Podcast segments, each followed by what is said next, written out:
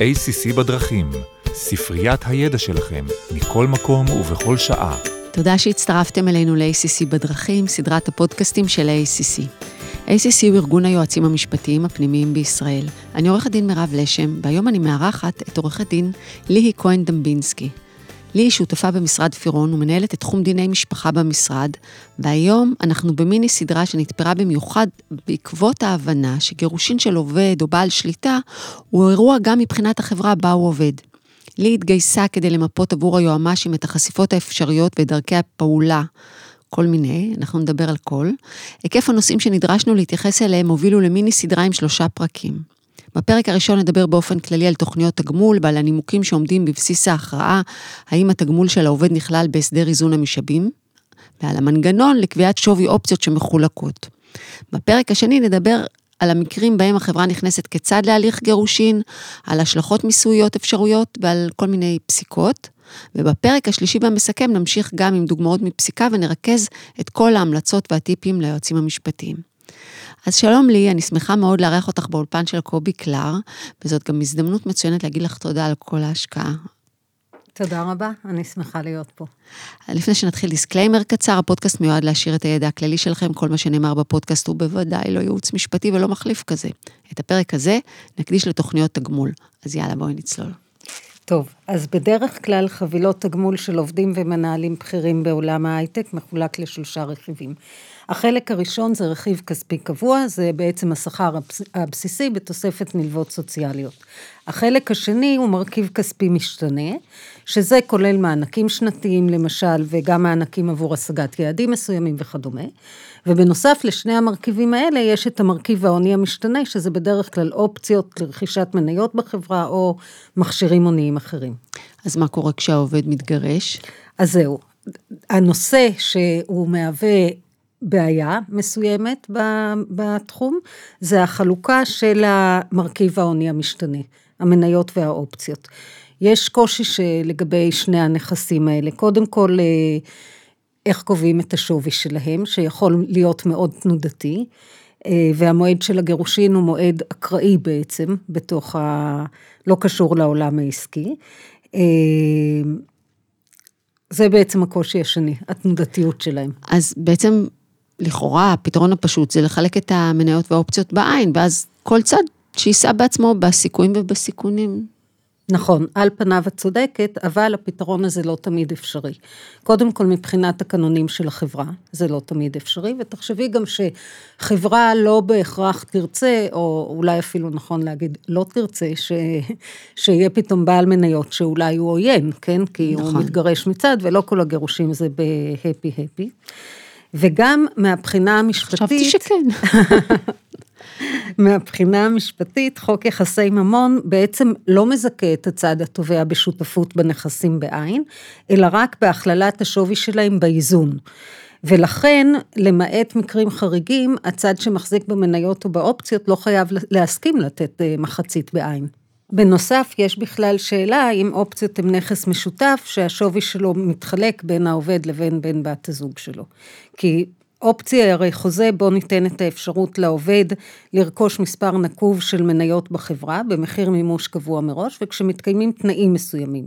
ובהסכמים האלה נקבעת תמיד תקופת הבשלה וסטינג אה, שמגבילה את זכות המימוש בהסכמים שמסדירים את יחסי העבודה או ההשקעה. אז בואי רק נפרט ככה על תקופת ההבשלה, שכולם... בשמחה. בחלוקת אופציות לעובדים נהוג לקבוע לו"ז להבשלה, vesting schedule, שקובע כמה ותק העובד צריך לצבור לפני שהוא יוכל לממש את האופציה. בדרך כלל תקופת הבשלה מחולקת לכמה תקופות ביניים, כשכל תקופה העובד יכול לממש חלק מהאופציות, עד שבסוף התקופה כל הכמות שהוקצתה לו בעצם בשלה למימוש.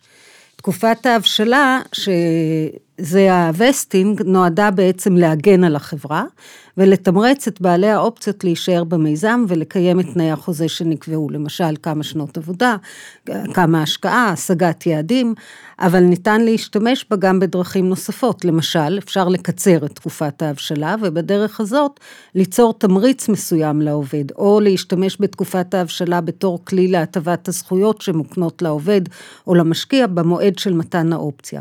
ולחילופין ניתן להשתמש בה גם בהיפוך. מה זאת אומרת היפוך? מנגנון הבשלה הפוך, reverse vesting mechanism, הוא מנגנון שמגביל את זכויות המימוש של מניות קיימות, זאת אומרת, מניות שכבר הוקצו וקיימות בהון החברה. אם את מנגנון ה vesting מחילים על אופציות, מנגנון ה reverse vesting חל על המניות. במנגנון הזה אנחנו מחילים לפרקי זמן קצובים, תקופת הבשלה על מניות קיימות. ביחסים מול עובדים, מנגנון ההבשלה ההפוך משמש בעיקר מול עובדים בכירים, שאז לעובד מוקצות מניות במועד מסוים. אבל אם הוא לא עמד בתקופת הזמן לה הוא התחייב בהסכם העבודה, שזו תקופת ההבשלה, אז לחברה קיימת הזכות לרכוש את המניות או את חלקן חזרה במחיר נקוב מראש. מאוד מעניין. אני מרגישה שאת נותנת לי על הדרך שיעור שיטות תגמול לעובדים ולבכירים. המנגנונים האלה משליכים על החלוקה בין בני הזוג? בוודאי. כל ההסבר הזה נדרש כדי לתת תשובה לשאלה האם האופציות הנכס משותף שיחולק בין בני הזוג. כדי לענות על השאלה בעצם צריך לבחון האם האופציות ניתנו עבור תקופת עבודה בעבר, שכלולה במהלך תקופת הנישואין, או עבור עבודה עתידית שאחרי מועד הקרע, שהוא מועד המשבר או הפירוד בסופו של דבר, או הגירושין, כן? אז איך את מכריעה? איך מכריעים? אז לצורך הכרעה האם האופציות ניתנו עבור תקופת עבר או כתמריץ לעבודה עתידית, צריך לבחון בין היתר את הפרמטרים הבאים. האם האופציות ניתנו כרכיב שכר או כבונוס? האם האופציות או ערכן קשור לאיכות תפקוד העובד בעתיד? האם האופציות ניתנו כדי למשוך עובדים לחברה, כמו שקורה הרבה פעמים בחברות סטארט-אפ?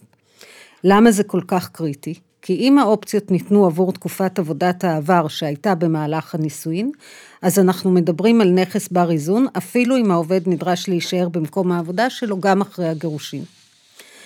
בהקשר הזה, אה, יש אה, דוגמה מצוינת מבית משפט לענייני משפחה בבאר שבע, ששם אה, בית המשפט קבע שבהתבסס על העובדות של המקרה שנידון שם, יש מקום לחייב את הבעל לחלוק עם גרושתו גם את הרווחים מהאופציות שהבשילו לאחר הגירושין, כי היה מדובר בסטארט-אפ.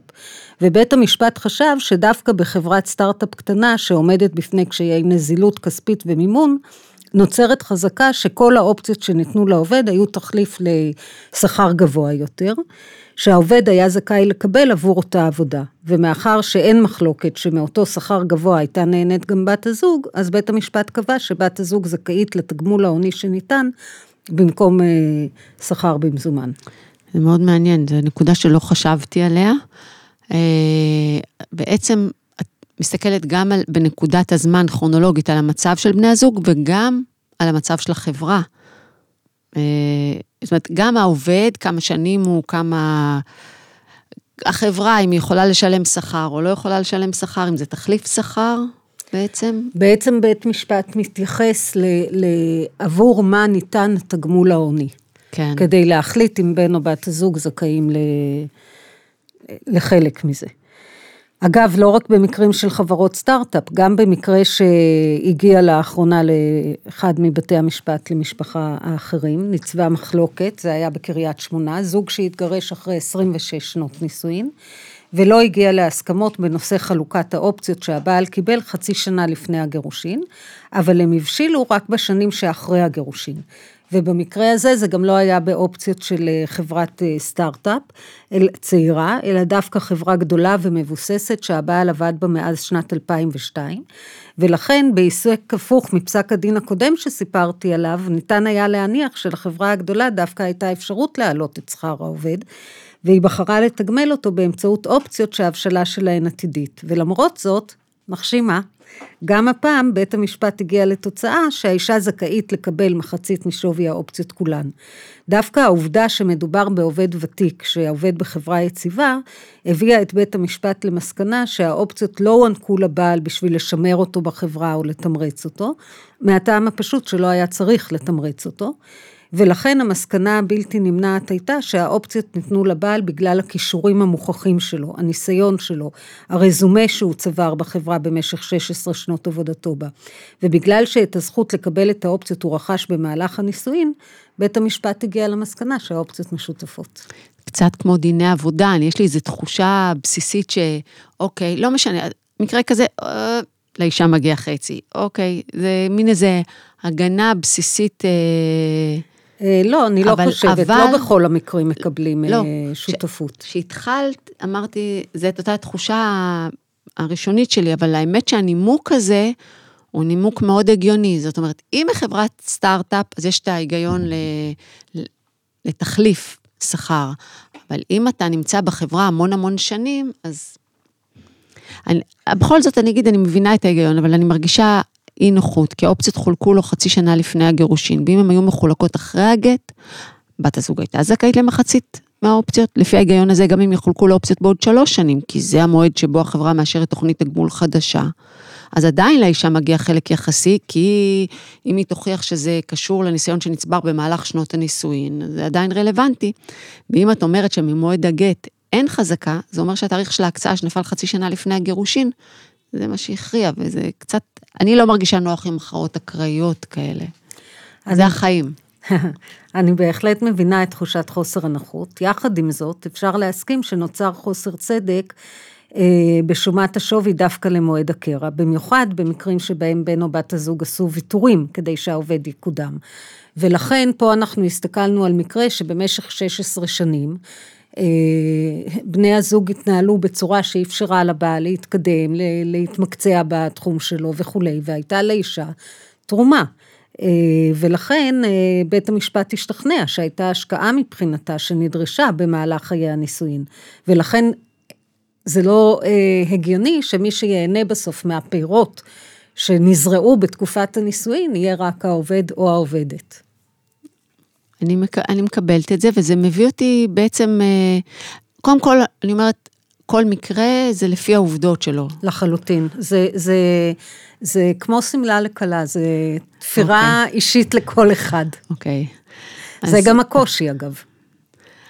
אז מה ניתן לעשות כדי שאופציות שניתנו במהלך הנישואין לא יהיו חלק מאיזון המשאבים עם בן או בת הזוג בעת הגירושין? ולפני שהמאזינים פה תובעים את חלקו של בן הזוג, שתובעים את חלקו של בן הזוג, יכעסו עליי, אני רוצה להזכיר שהפודקאסט שלנו בוחן את הסוגיות מנקודת מבטם של העובד או העובדת והחברה. ולכן אני מנסה לבדוק את האינטרס שלהם כדי למקסם את התגמול של העובד, לפחות שיהיה בעיניים פקוחות. תראי, קודם כל אין הרבה פסיקות בנושא, כן? אבל המסקנה מפסקי הדין המועטים בנושא זה שכדי שאופציות שניתנו במהלך הנישואין לא יהיו חלק מאיזון המשאבים בעת גירושין, צריך להגדיר אותן במפורש כמענק עתידי בלבד, או לכל הפחות לצרף אותן לתנאי שדורש פעולה אקטיבית עתידית מהעובד. לדוגמה, להתנות את קבלת האופציות בעמידה ביעדים עתידיים מסוימים. אופציות שניתנות ללא תנאי, למעט המשך עבודה בחברה, בדרך כלל ייכללו בשיתוף עם בן הזוג, גם אם מועד ההבשלה שלהן מאוחר יותר ממועד הגירושין. טוב, בית המשפט, או במקרה הטוב הצדדים, מסכימים בלי בית משפט שהאופציות נכללות בהסדר איזון המשאבים. נתחיל בטוב. אז איך אני קובעת את שווי האופציות? אז לפי חוק יחסי ממון, שווי הנכסים לחלוקה נבדק במועד הקרע, אבל במקרה של אופציות, הבחירה של המועד הזה עלולה לגרום לעיוות דין לשני הצדדים. שוב, במיוחד בחברות סטארט-אפ. כי במיוחד בסטארט-אפים, בתחילת הדרך, קשה לתת הערכה לשווי האופציות של החברה. תחשבי שמועד הקרע הוא מועד אקראי מבחינת החברה, זה לא שהיא בדיוק בגיוס, אז אין לה הערכת שווי. מבחינת החברה, המועד של הגירושין בכלל לא קשור למהלכים העסקיים. ומדובר בחברות שהן לא נסחרות, אין להן שווי שוק ברור, וככל שהן נמצאות בשלב מוקדם יותר, אז גם יכול להיות שהשווי שלהן הוא אפסי בשלב הזה, ככה שאי אפשר להתעלם מנתוני החברה, מהפוטנציאל על הנייר עם תנודתיות גדולה בין שווי האופציה יום לפני גיוס כספים ממשקיעים לבין היום שאחרי.